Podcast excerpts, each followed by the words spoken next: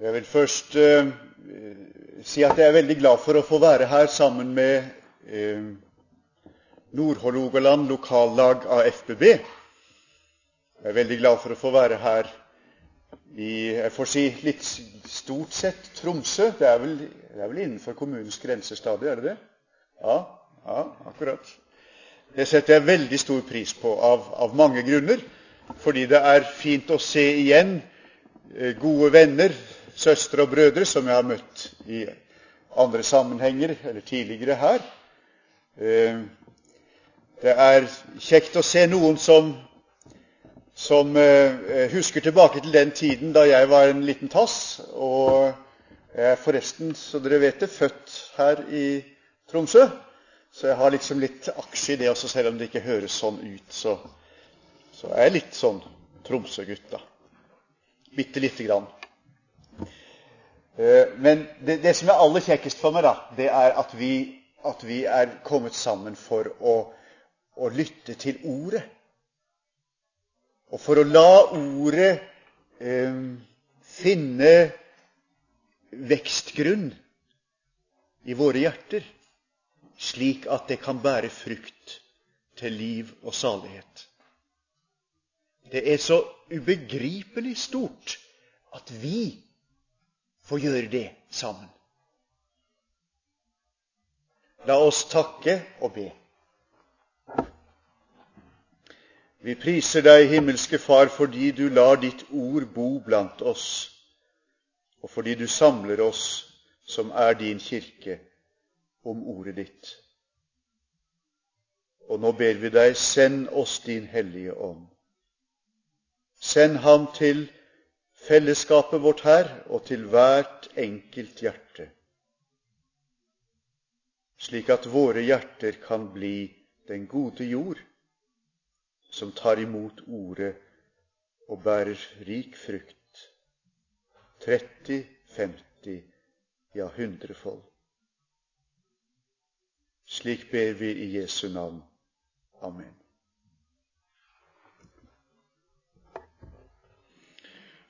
Gunnar Ødegårdstuen nevnte at, at hovedoverskriften for, for, denne helgen er 'Et hellig liv'. Og Det styret har gitt meg som, som tema nå i kveld, det er 'Det gamle og det nye mennesket'. Helliggjørelse ut fra dåpen. Det er et godt tema.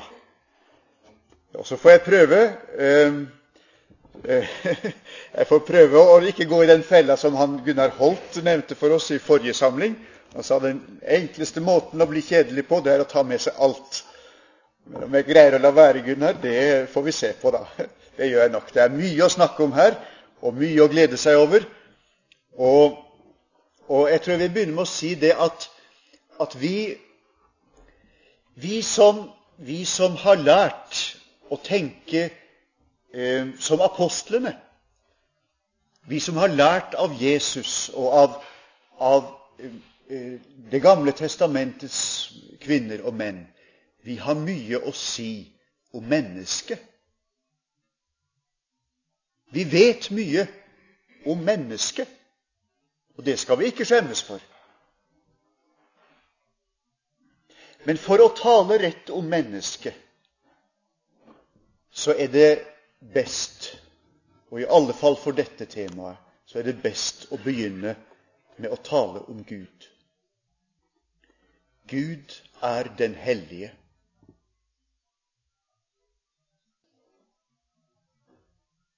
Jeg, Herren deres Gud, er hellig. Slik presenterer Gud seg for folket sitt, det som han fører ut av Egypt og fram til det lovede land. Jeg, Herren deres Gud, er hellig. 3. Mosebok 19,2. Og salmisten svarer sånn Lovsyng Herren vår Gud, og kast dere ned for Hans fotskammel. Hellig er Herren. Salme 99, 3.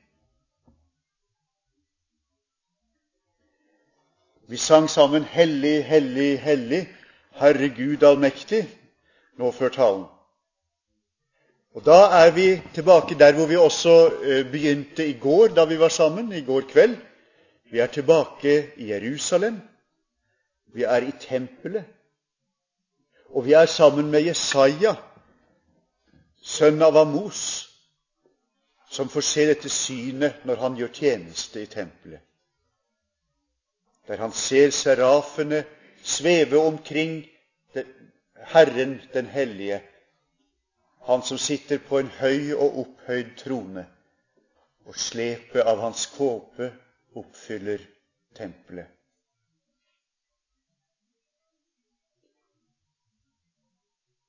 Herren, vår Gud, er hellig.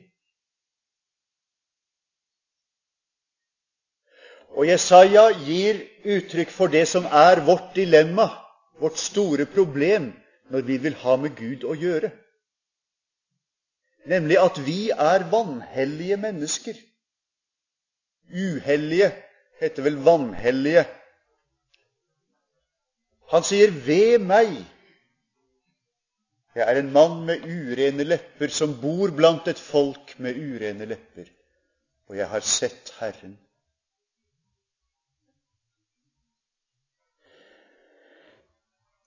Jesajas problem er at han kan ikke på noe vis gå i hop med den hellige Gud fordi han er vanhellig og hører til en vanhellig menneskeslekt. Skal Gud og mennesket gå sammen, så må mennesket bli hellig. Den vanhellige, den urene, synderen må gjøres hellig. Men Jobb spør kan det komme en ren av en uren? Nei, ikke en eneste, svarer han i Jobb 14,4.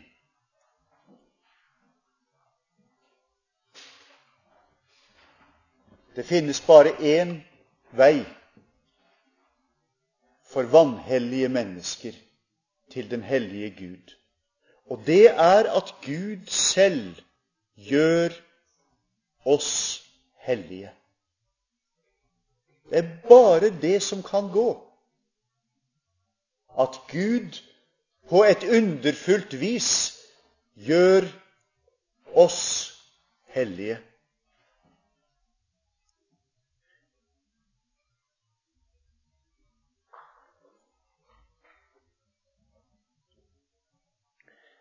Da snakker vi om helliggjørelse.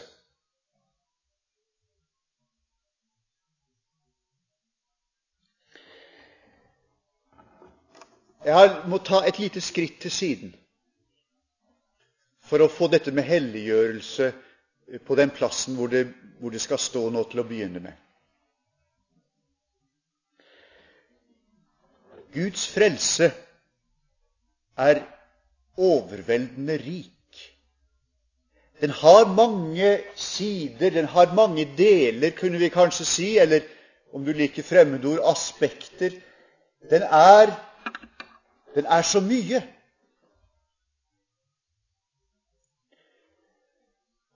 Skaden som synden har påført oss mennesker, er omfattende og sammensatt. Men frelsen er slik at den svarer på all vår skade og gjør all, alt som er ødelagt, godt igjen. Vi ble Guds fiender den gangen da de første av oss gjorde opprør mot den gode Gud. Men Gud svarer i sin frelse med forsoningen i Jesus Kristus. Vi ble slaver under synden og døden, og det har vi vært til denne dag. Alle mennesker er det, slaver under synden og døden. Og i alle fall det siste erfarer vi så konkret i våre egne kropper helt fram til den dagen da vi bærer en av våre ut herfra med bena først.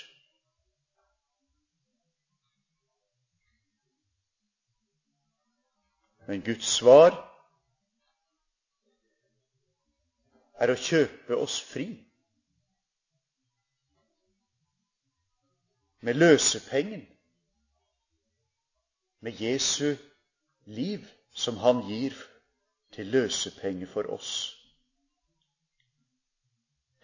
Vi er døde på grunn av synden. Men i Jesus blir vi gjort levende. Vi får evig liv. Og så er vi til sist urene og vanhellige, som jeg alt har sagt, på grunn av synd og annen urenhet. Men Guds frelse er slik at vi blir renset i Kristi blod. Og renset i Kristi blod vi, blir vi gjort hellige. Med Kristi blod gjøres vi hellige. Så samlet gir disse forskjellige sidene av frelsen både et nyansert og et umåtelig rikt bilde av det som Gud gjør med deg, du som var hjelpeløst fortapt uten Hans frelse. Nå eier du denne store rikdommen.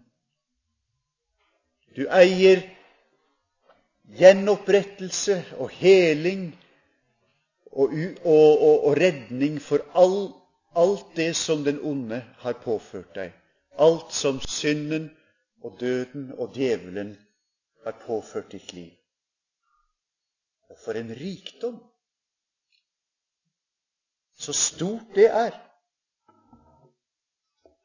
Så rik er du i Jesus Kristus.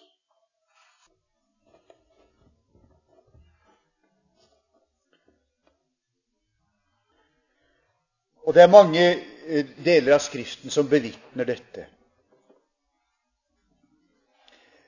Um, at Gud gjør hellig, det møter vi jo når Jesaja står i tempelet, og serafen kommer flyvende med denne, denne gloen som er tatt fra alteret, og stryker over leppene hans. Se, din skyld er sonet og din synd er tatt bort. Men vi møter det ikke bare der, i tempelet i Jerusalem. Vi møter det også når, når apostelen Paulus skriver til alle menighetene i Lille Asia.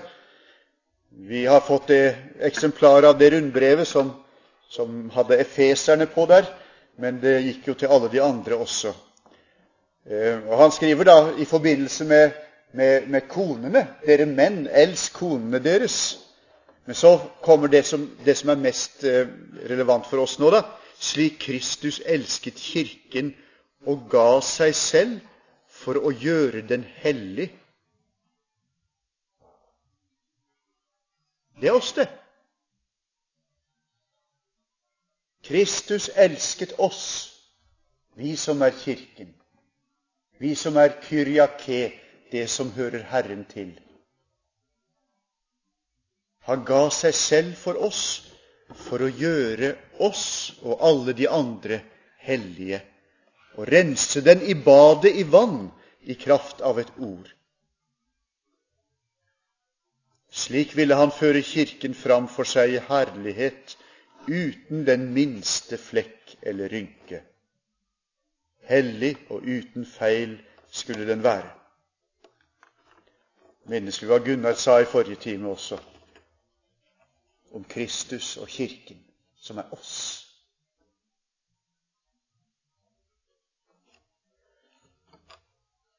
Og vi er i hebreerbrevet, hvor hebreerbrevet skriver om hvem Jesus er. Han er utstrålingen av Guds herlighet og bildet av Hans vesen, og han bærer alt ved sitt mektige ord. Da han denne som altså er utstrålingen av Guds herlighet. Denne som bærer alt med sitt mektige ord. Da han hadde fullført renselsen for våre synder, satte han seg ved majestetens høyre hånd i det høye. Og Denne sannhet fra Guds ord, den har de som tok tak i Kirken på 1500-tallet for å bringe den tilbake til sin rette skikk. Luther og Melanchthon formulert i, i trosbekjennelsen vår, den augsburgske trosbekjennelse, i artikkel 3, for å gjøre dem hellige som tror på Ham, ved å sende Den hellige ånd i deres hjerter. Så altså å bli frelst, det er å bli hellig. Det vitner Skriften om. Det har våre lærefedre bevitnet. Det er det det dreier seg om.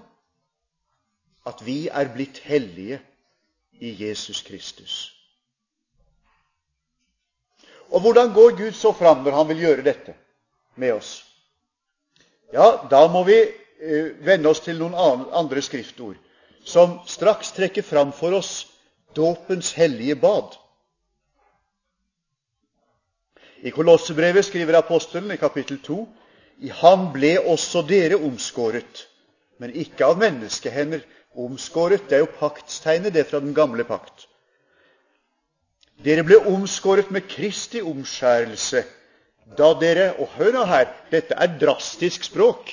Prøv å følge med liksom i, i, i, i bildeskapingen din oppi hodet når du hører dette. Da dere eh, med Kristi omskjærelse da dere kledde av dere den kroppen som er av kjøtt og blod. Det er jammen en drastisk måte å uttrykke seg på. Jeg ikke, greier ikke nå akkurat å ta igjen eh, den gamle oversettelsen, men det må jo være noe med at vi kledde av oss kjødet, vil jeg tro. Um,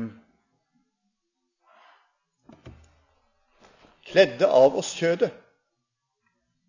For i dåpen ble dere begravet med ham. Ferdig. Kastet igjen. Lukket og stengt.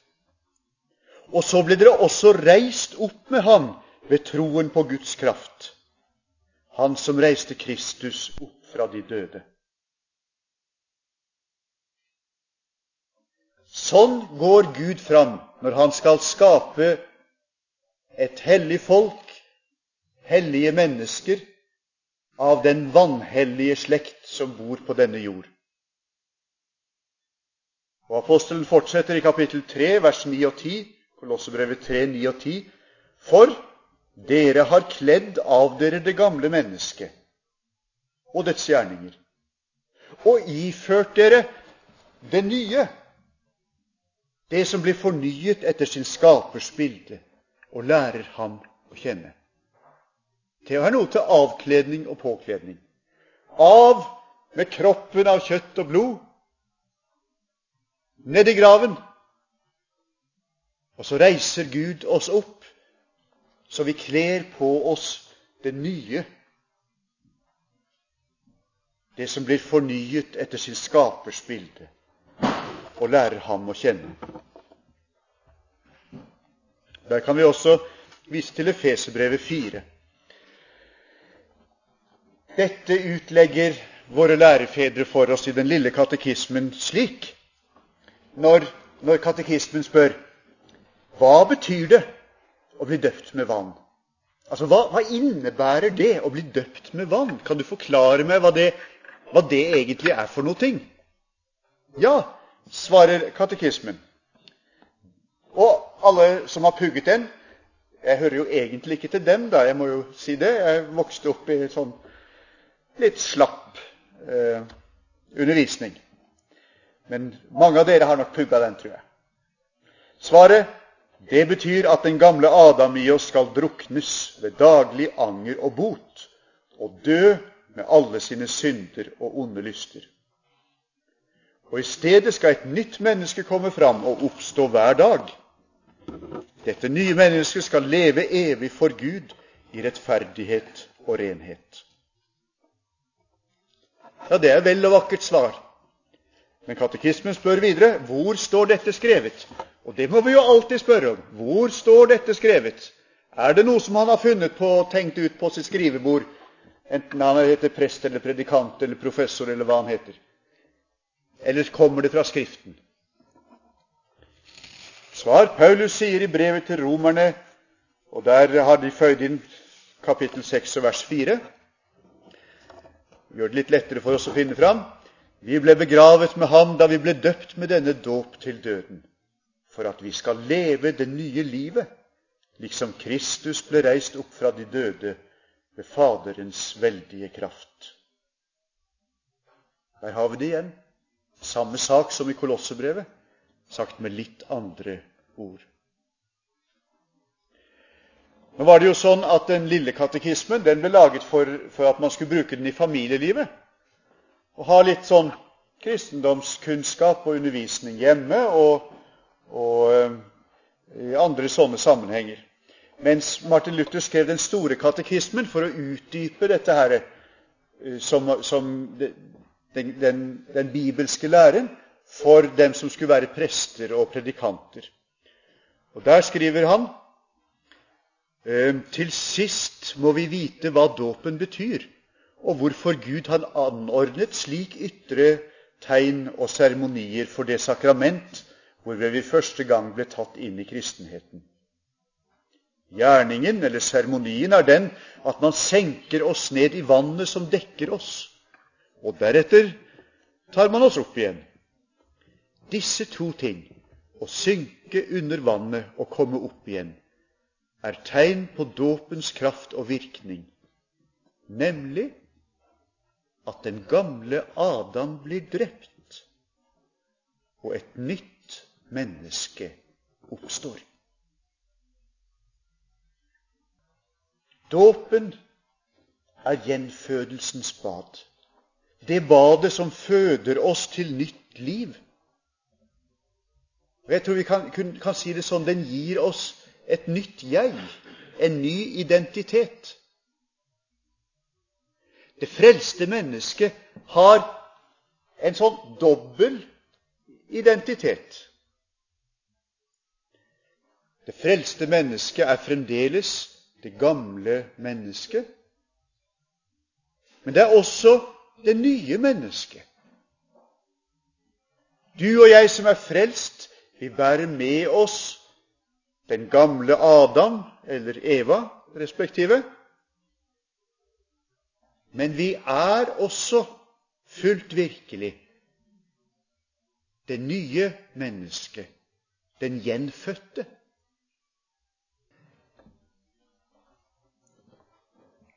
Og så opplever vi, og det tror jeg du har opplevd på samme måte som jeg og som apostelen Paulus, at det gamle og det nye slåss.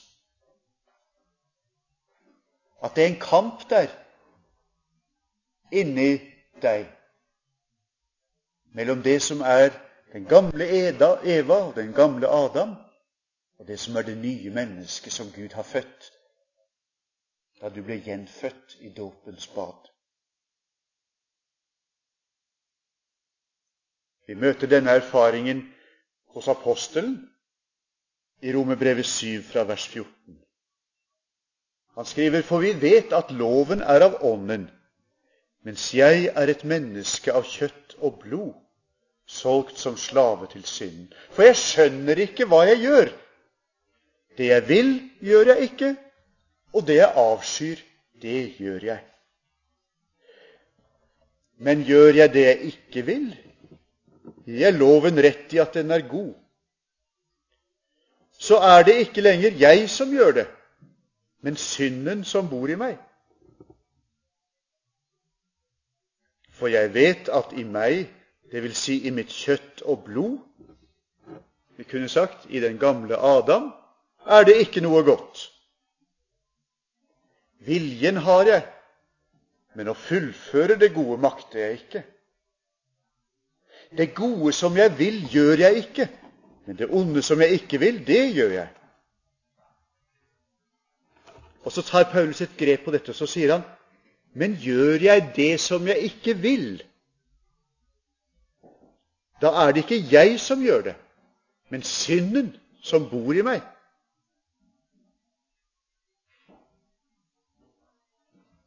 Jeg finner altså at denne lov gjelder Jeg vil gjøre det gode, men kan ikke annet enn å gjøre det onde. Mitt indre menneske, det tror jeg vi kunne si at det er det, mitt gjenfødte menneske, sier med glede ja til Guds lov. Men jeg merker en annen lov i lemmene. Den kjemper mot loven i mitt sinn og tar meg til fange under syndens lov som er i lemmene.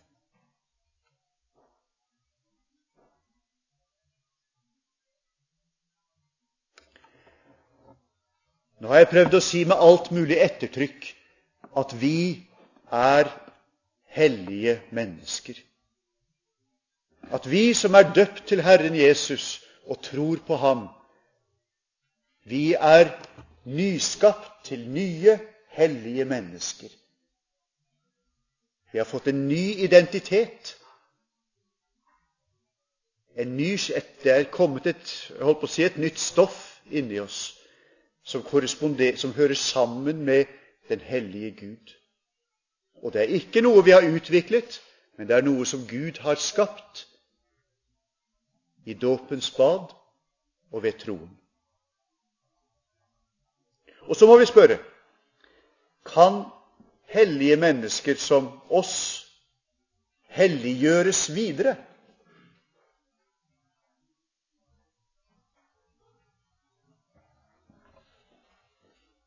Det kan vi svare ja på hvis vi tenker ut fra den, den, den apostoliske måten å legge dette til rette.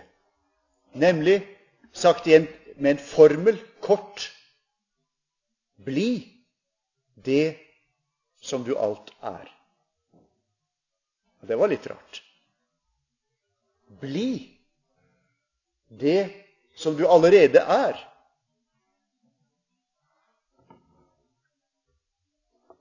Vi må vende tilbake igjen til Kolosserne 3, fra vers 9b. For dere har kledd av dere det gamle mennesket og dets gjerninger, og iført dere det nye, som blir fornyet etter sin skapers bilde, og lærer ham å kjenne.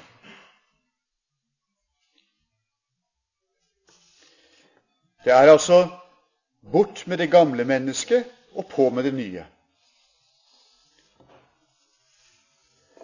Og så fortsetter apostelen med å, å formane og oppmuntre de troende til å la det gamle mennesket dø. Det er gjort, men gjør det likevel. La det jordiske i dere dø. Hor, urenhet, lidenskap og ondt begjær. Og grådighet, som ikke er noe annet enn avgudsdyrkelse. Det, alt dette gjør at Guds vrede rammer de ulydige. Blant dem var også dere den gang dere levde slik. Men legg nå av alt dette sinne, hissighet, ondskap, spott og rått snakk. Og lyv ikke for hverandre, for dere har kledd av dere det gamle mennesket og dets gjerninger, og iført dere det nye. Altså, når, nå, når, dette store nå har skjedd med deg, at du har kledd av deg det gamle og tatt på det nye, ja, så må du leve sånn. Du må ikke holde på med disse gamle tingene som du egentlig har lagt av deg. Da må du bli det du er et hellig menneske.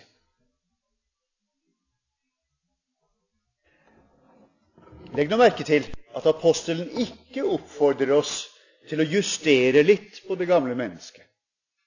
Han sier ikke eh, her må du lære litt mer enn moral, så du kan forbedre deg litt. Du må, eh, du må, du må justere på disse uvanene dine og tilpasse deg. Nei, han sier Vekk med det. det. Få det bort. Det er ikke deg. For du er født på nytt av vann og ånd. Det er blitt noe fremmed, dette gamle. Det som, det som nå gjelder, det som du nå skal leve, det er det som Gud reiste opp av dåpens grav. og ga liv da du ble gjenfødt. Som Gunnar Holt sa det eh, i forrige time eh, den gamle Adam skal ikke forbedres. Han er uforbederlig. Han skal ut. Og så skal Guds nye skapning leve ditt liv.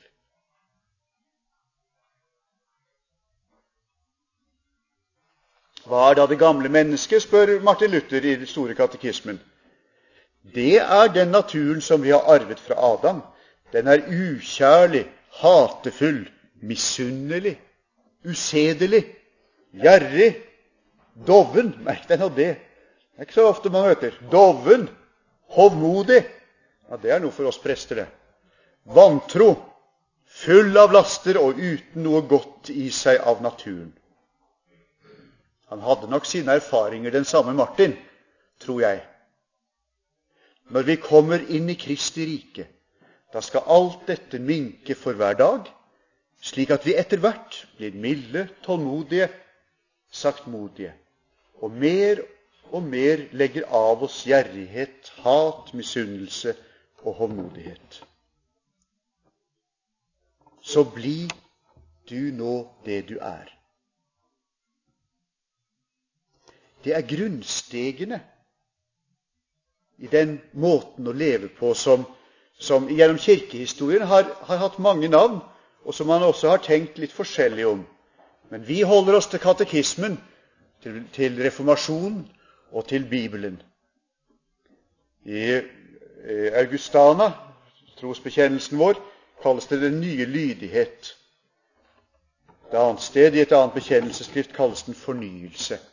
Vi kan også kalle det en helliggjørelse, bare vi forstår det riktig på denne måten, og ikke begynner å tenke at det er nok den, det gamle der som skal forbedres litt i noen runder.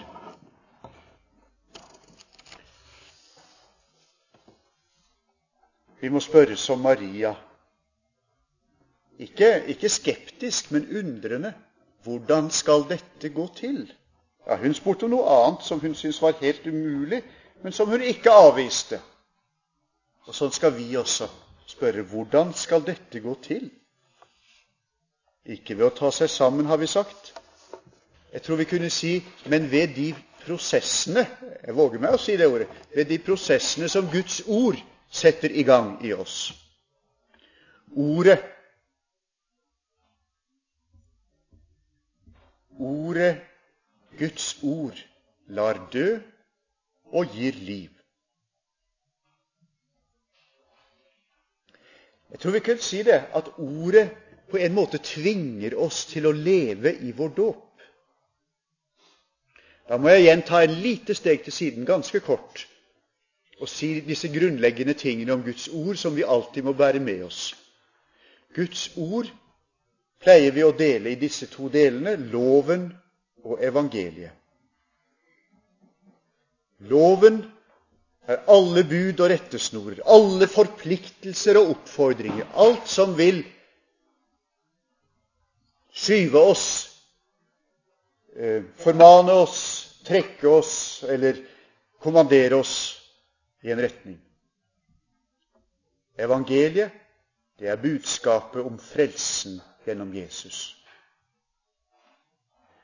Og i frelsens grammatikk der finnes det ikke et eneste imperativ, ikke et eneste kommando, ikke et eneste bydeord. Og så lærer disse kloke og vise som har ledet oss til en dypere forståelse av Skriften, de lærer oss at alt Guds ord kan høres på to måter. Det kan høres som lov, eller det kan høres som evangelium.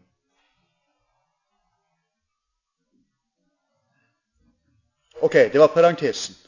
Ordet slik det taler til oss når det er lov, når vi hører det som loven, det leder til omvendelse. Eller, om det går riktig galt, da, til forherdelse. Men den gode, gode frukten av, av, av, loven når den taler til oss, det er at vi vender om. Loven taler til oss om vår syndighet, om våre synder, om vår svake tro og om vår manglende helliggjørelse. Og den taler til oss slik med full rett.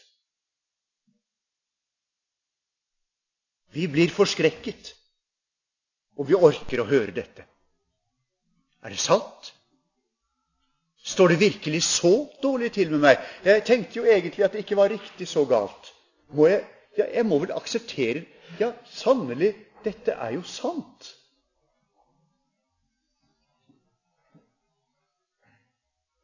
Vi blir forskrekket når sant skal sies.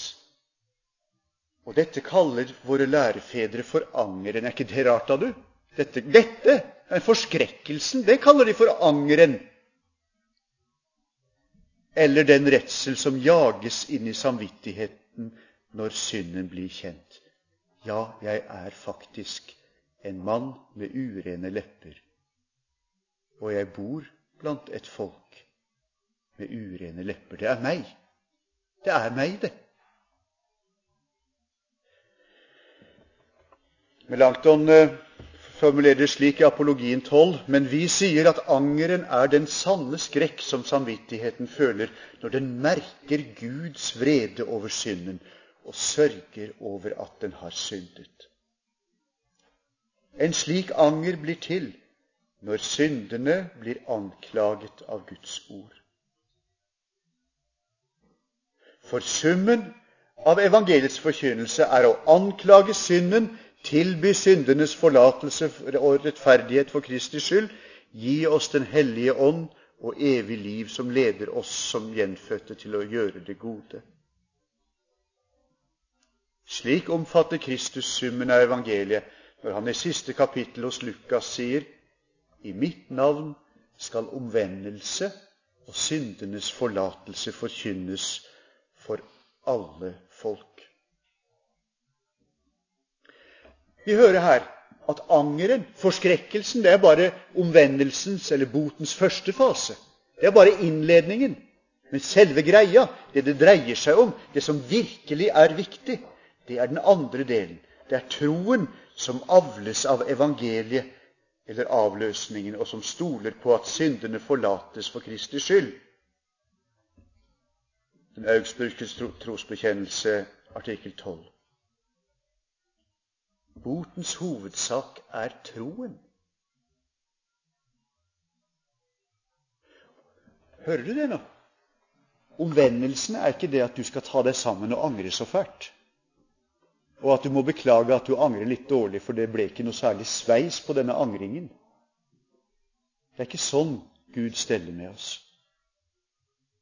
Om Gud gir deg å få høre Guds ord, lest, skrevet, eller gjennom predikanter som er lært av Skriften, så, så kommer du til å stange hodet mot loven, og den vil fortelle deg hvem du er, uten sminke. Og det er velsignet godt. For det er da vi får denne forskrekkelsen som gjør at vi lytter til evangeliet. Det som aldri ber deg gjøre noe, aldri gir deg noen oppfordring, aldri det minste hint av hva som burde være annerledes. Det som bare har indikativer, som forteller deg hva Jesus har gjort for deg og i ditt sted. Og hva Gud deler ut til deg gjennom sine nådemidler, gjennom dåpen og nattverden og ordet. Troen, den kommer bare når syndenes forlatelse blir forkynt for deg og trenger inn gjennom ørene og ned i hjertet.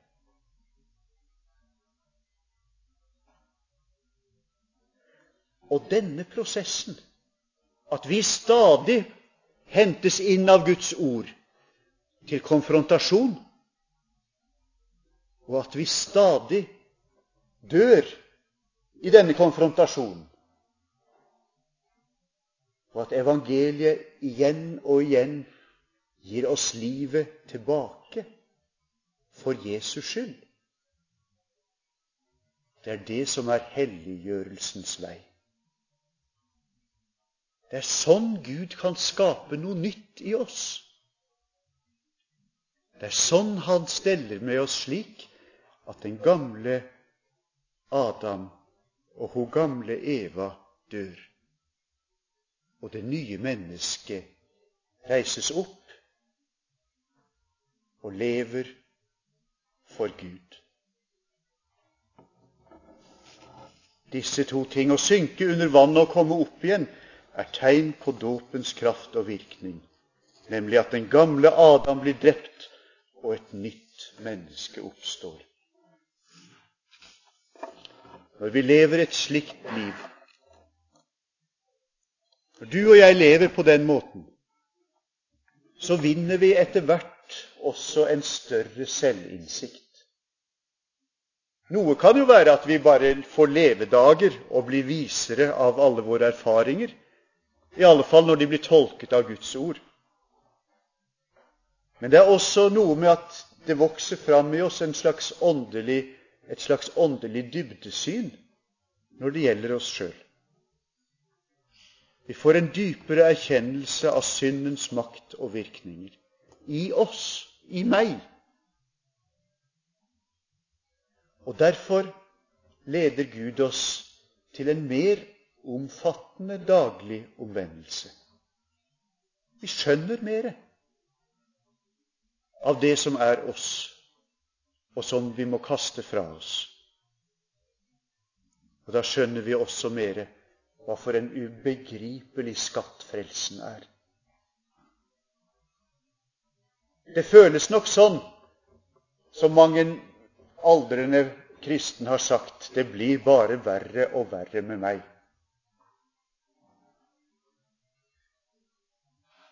Det er en smertefull erfaring, men det er mye åndelig helse å hente i en slik smerte. Og så er det faktisk ikke hele bildet.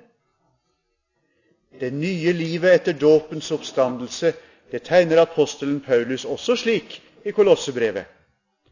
Dere er Guds utvalgte og hellige og elsket av Ham. Kle dere derfor i inderlig medfølelse. Og vær gode, milde, ydmyke og tålmodige, så dere bærer over med hverandre og tilgir hverandre hvis den ene har noe å bebreide den andre. Som Herren har tilgitt dere, skal dere tilgi hverandre. Slik er det å leve det nye livet. Det fins der, og Gud vil skape det i oss. Og over alt dette, kle dere i kjærlighet, som er båndet som binder sammen og gjør fullkommen. La Kristi fred råde i hjertet, for til det ble dere kalt da dere ble én kropp. Vi skal få leve slik når vi tror lovens ord og evangeliets avløsning. Da vokser dette fram.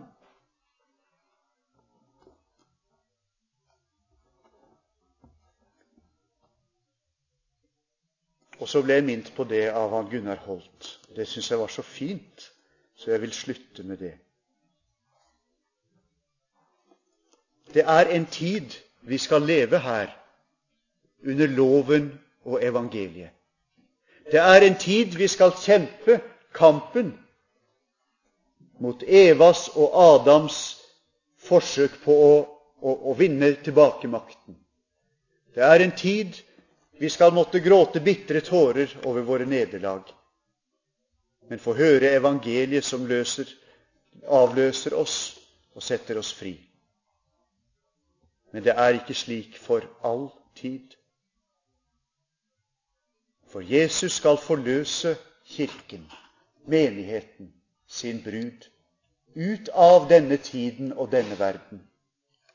Da, når alt er brakt til ende, og Gud gjør alle ting nye. Han skal løse oss ut av tidens trengsler. Nå må vi tro at vi er de hellige. Tro ham på hans ord mot alle våre trasige og onde erfaringer. Men da skal vi se at Gud har helliget oss og gjort oss rene, plettfrie, lyteløse, lyteløse. Har gjort oss som ham. Da er vi der som Johannes fikk et glimt inni, slik han forteller det i Åpenbaringen kapittel 4. Det er de himmelske vesener. Natt og dag roper de uten stans. Hellig, hellig, hellig er Herren Gud den allmektige, Han som var, og som er, og som kommer. En gang i tempelet i Jerusalem hørte Jesaja serafene synge denne sangen. Men dere, kjære venner, vi skal stemme i den sangen når vi er løst ut av trengselen og blitt ham lik.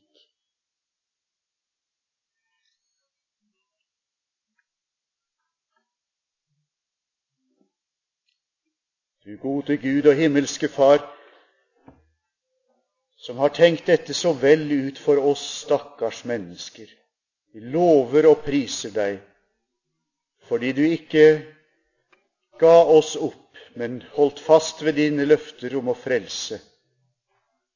Fordi du sendte Jesus, Han som er blitt vår helliggjørelse. Vi takker og priser deg fordi ordet om Jesus og din nåde i ham har nådd fram til oss, vi som lever så langt borte, så langt nord og i det tredje årtusen. Takk, gode Gud, at din miskunn har nådd til våre kyster, ja, inn i våre liv. Og nå ber vi deg, du hellige Gud, du ubegripelig hellige Gud, at du steller slik med våre liv at vi får være hellige. I Jesus hellige og dag for dag også hellige i våre liv med hverandre. Gi oss det av din nåde, og hold oss fast hos deg til den dagen du løser oss ut, så vi kan være med og synge for din trone. Amen.